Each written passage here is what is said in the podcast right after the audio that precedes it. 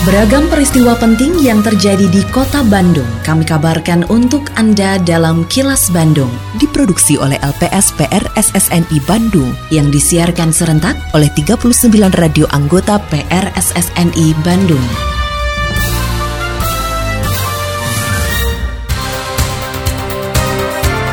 Sejumlah informasi aktual kami hadirkan untuk Anda dan inilah informasi utamanya.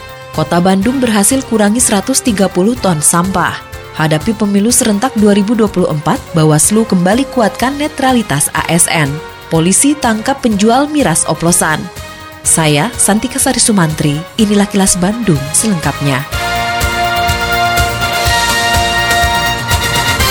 Kota Bandung berhasil mengurangi sebanyak 130 ton sampah dari total keseluruhan sekitar 1.500 ton sampah yang biasanya dibuang ke tempat pembuangan akhir atau TPA Sampah Sarimukti. Menurut penjabat Wali Kota Bandung Bambang Tirto Yuliono, keberhasilan pengurangan sampah tersebut berkat kerjasama semua pihak melalui program berbagai metode pengolahan sampah organik di masyarakat. Sejumlah metode tersebut antara lain program magotisasi di tempat pengolahan sampah terpadu atau TPST di setiap kelurahan, serta TPST besar di Gede Bage. Bambang meminta program pengurangan sampah terus dilakukan sampai nantinya volume sampah residu yang dibuang ke TPA semakin berkurang. Dari 950 ton yang bisa diterima sampai dengan akhir bulan Desember di Sarimukti, 120 130 ton di antaranya dari 1300 itu sudah bisa kita kelola dengan berbagai macam klaster begitu kira-kira. Termasuk juga magotisasi. Masih ada sekitar 200 ton dari 1300 ya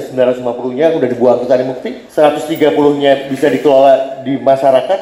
Masih ada sisa. Nah sisanya ini yang harus kita coba pastikan. Ini PR PR ada di mana yang kita sedang melakukan tracing mungkin mungkin ya salah satu di antaranya adalah yang belum terdata ada di pinggir-pinggir jalan.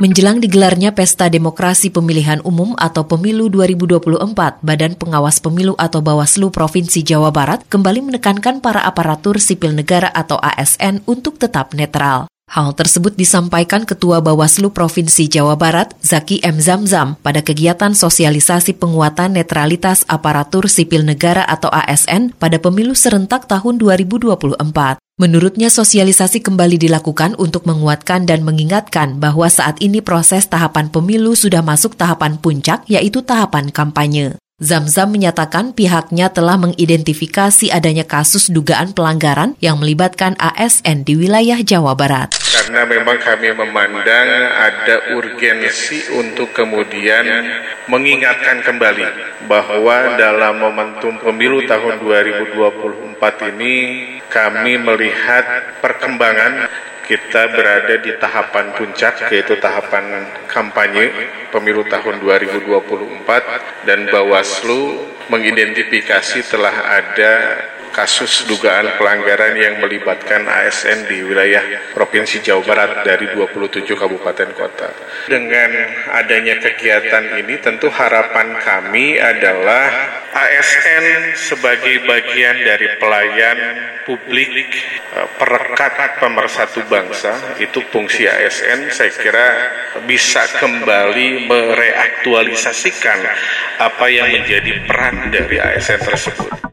Pemerintah Provinsi Jawa Barat mengapresiasi kegiatan sosialisasi penguatan netralitas aparatur sipil negara atau ASN pada pemilu serentak tahun 2024 yang digelar Badan Pengawas Pemilu atau Bawaslu Provinsi Jawa Barat. Penjabat Gubernur Jawa Barat Bayi Mahmudin kembali meminta ASN harus patuh terhadap aturan, khususnya menjelang hari pencoblosan pemilu serentak yang akan digelar pada 14 Februari 2024 mendatang. B juga meminta ASN berhati-hati dalam bersikap maupun menyampaikan pendapat, terutama yang berkaitan dengan pilihan politiknya. Selain itu, ASN diminta tidak boleh pilih-pilih dalam menjalankan tugas melayani masyarakat. Sebagai abdi negara, bahwa netralitas bukan sekedar sikap formal, tetapi juga merupakan komitmen yang tulus untuk tidak terlibat dalam kegiatan politik praktis. Jadi kita ketahui sendiri dalam ASN ini sampai diatur sikap berfoto.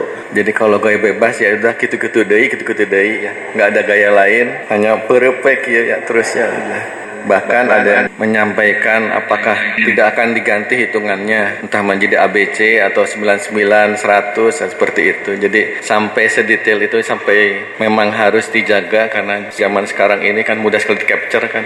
Dan tentunya dalam pelaksanaan tugas pun kita tidak boleh berpilih-pilih jadi tetap netral artinya semua layanan tetap diberikan dengan baik terutama dalam melaksanakan pemilu ini kita harus menjamin pelaksanaan pemilu yang berjalan dengan damai, aman, lancar dan adil. Kini audio podcast siaran Kilas Bandung dan berbagai informasi menarik lainnya bisa Anda akses di laman kilasbandungnews.com.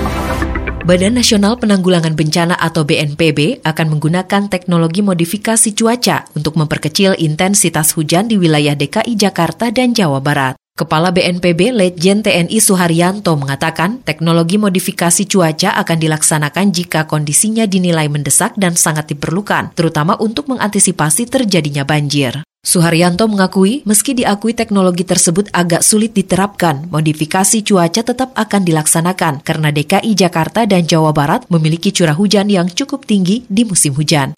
Jadi TMC dilakukan di DKI dengan Jawa Barat. Memang kami juga menghitung betul kan, karena untuk menghentikan hujan ini kan sulit paling bisanya mengalihkan atau memperkecil. Nah kelihatannya memang tidak efek, tidak efektif seperti kalau TMC mendatangkan hujan saat kekeringan. Itu kan gampang ya saat kering terus datang hujan. Kalau ini kan hujan deras terus diperkecil gitu. Tetap kita laksanakan supaya jangan sampai kalau tidak dikurangi hujannya turun deras akhirnya mengakibatkan bencana yang besar. Sebanyak dua jalur baru transportasi bus segera hadir untuk melayani masyarakat di kota Bandung. Kedua jalur baru tersebut adalah Cibiru Kebon Kalapa dan Stasiun Hall Tegaluar dengan layanan by the service atau operator pihak ketiga. Kepala Badan Perencanaan Pembangunan Daerah atau Bapeda Provinsi Jawa Barat, Iendra Sofian mengatakan, dua jalur baru ini akan melengkapi moda transportasi massal yang sebelumnya sudah disediakan oleh Kementerian Perhubungan, yaitu jalur Bale Endah BEC dan alun-alun Kota Bandung pada Larang Cimahi. Menurut Iendra, hadirnya kedua jalur baru tersebut juga menambah layanan feeder untuk kereta cepat Jakarta-Bandung yang selama ini dilayani moda transportasi kereta api. BTS yang dari Kementerian Perhubungan yang kita ambil alih itu alun-alun sampai ke Padalarang dan dilanjutkan ke KCJB yang di Cimahi. Artinya bahwa nanti dari kereta cepat ke Bandung ini juga ada lewat bus ya yang BTS. Yang kedua adalah BEC Bale Endah Nah, sedangkan yang mau kita tambah lagi dua jalur nanti di triwulan terakhir Cibiru Kebun Kelapa. Yang kedua Tegal Luar Stasiun Hall. Itu yang dari KCIC juga. Jadi untuk tahun ini KCIC feedernya ya sudah lengkap. Sebanyak empat orang meninggal dunia akibat miras oplosan, sedangkan dua orang lainnya masih menjalani perawatan intensif di RSUD Ujung Berung, Kota Bandung. Kapolsek Antapani Kompol Yusuf Tojiri mengatakan para korban tewas setelah mengonsumsi miras oplosan jenis ciu rasa leci yang dicampur dengan minuman suplemen. Sebelumnya para korban menggelar pesta miras oplosan di pangkalan ojek Pasir Impun Kota Bandung. Setelah menenggak miras, para korban mengalami gejala mual hingga muntah-muntah. Polisi juga berhasil mengamankan penjual miras oplosan yang sempat melarikan diri. Meski begitu, status dari penjual miras tersebut masih sebagai saksi hingga selesai dilakukan gelar perkara. Mereka beli dari kios di sekitar Jalan Anution berupa minuman ciu dan bubuk bima.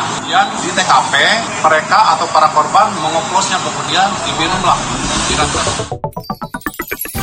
Terima kasih Anda telah menyimak kilas Bandung yang diproduksi oleh LPSPR SSNI Bandung.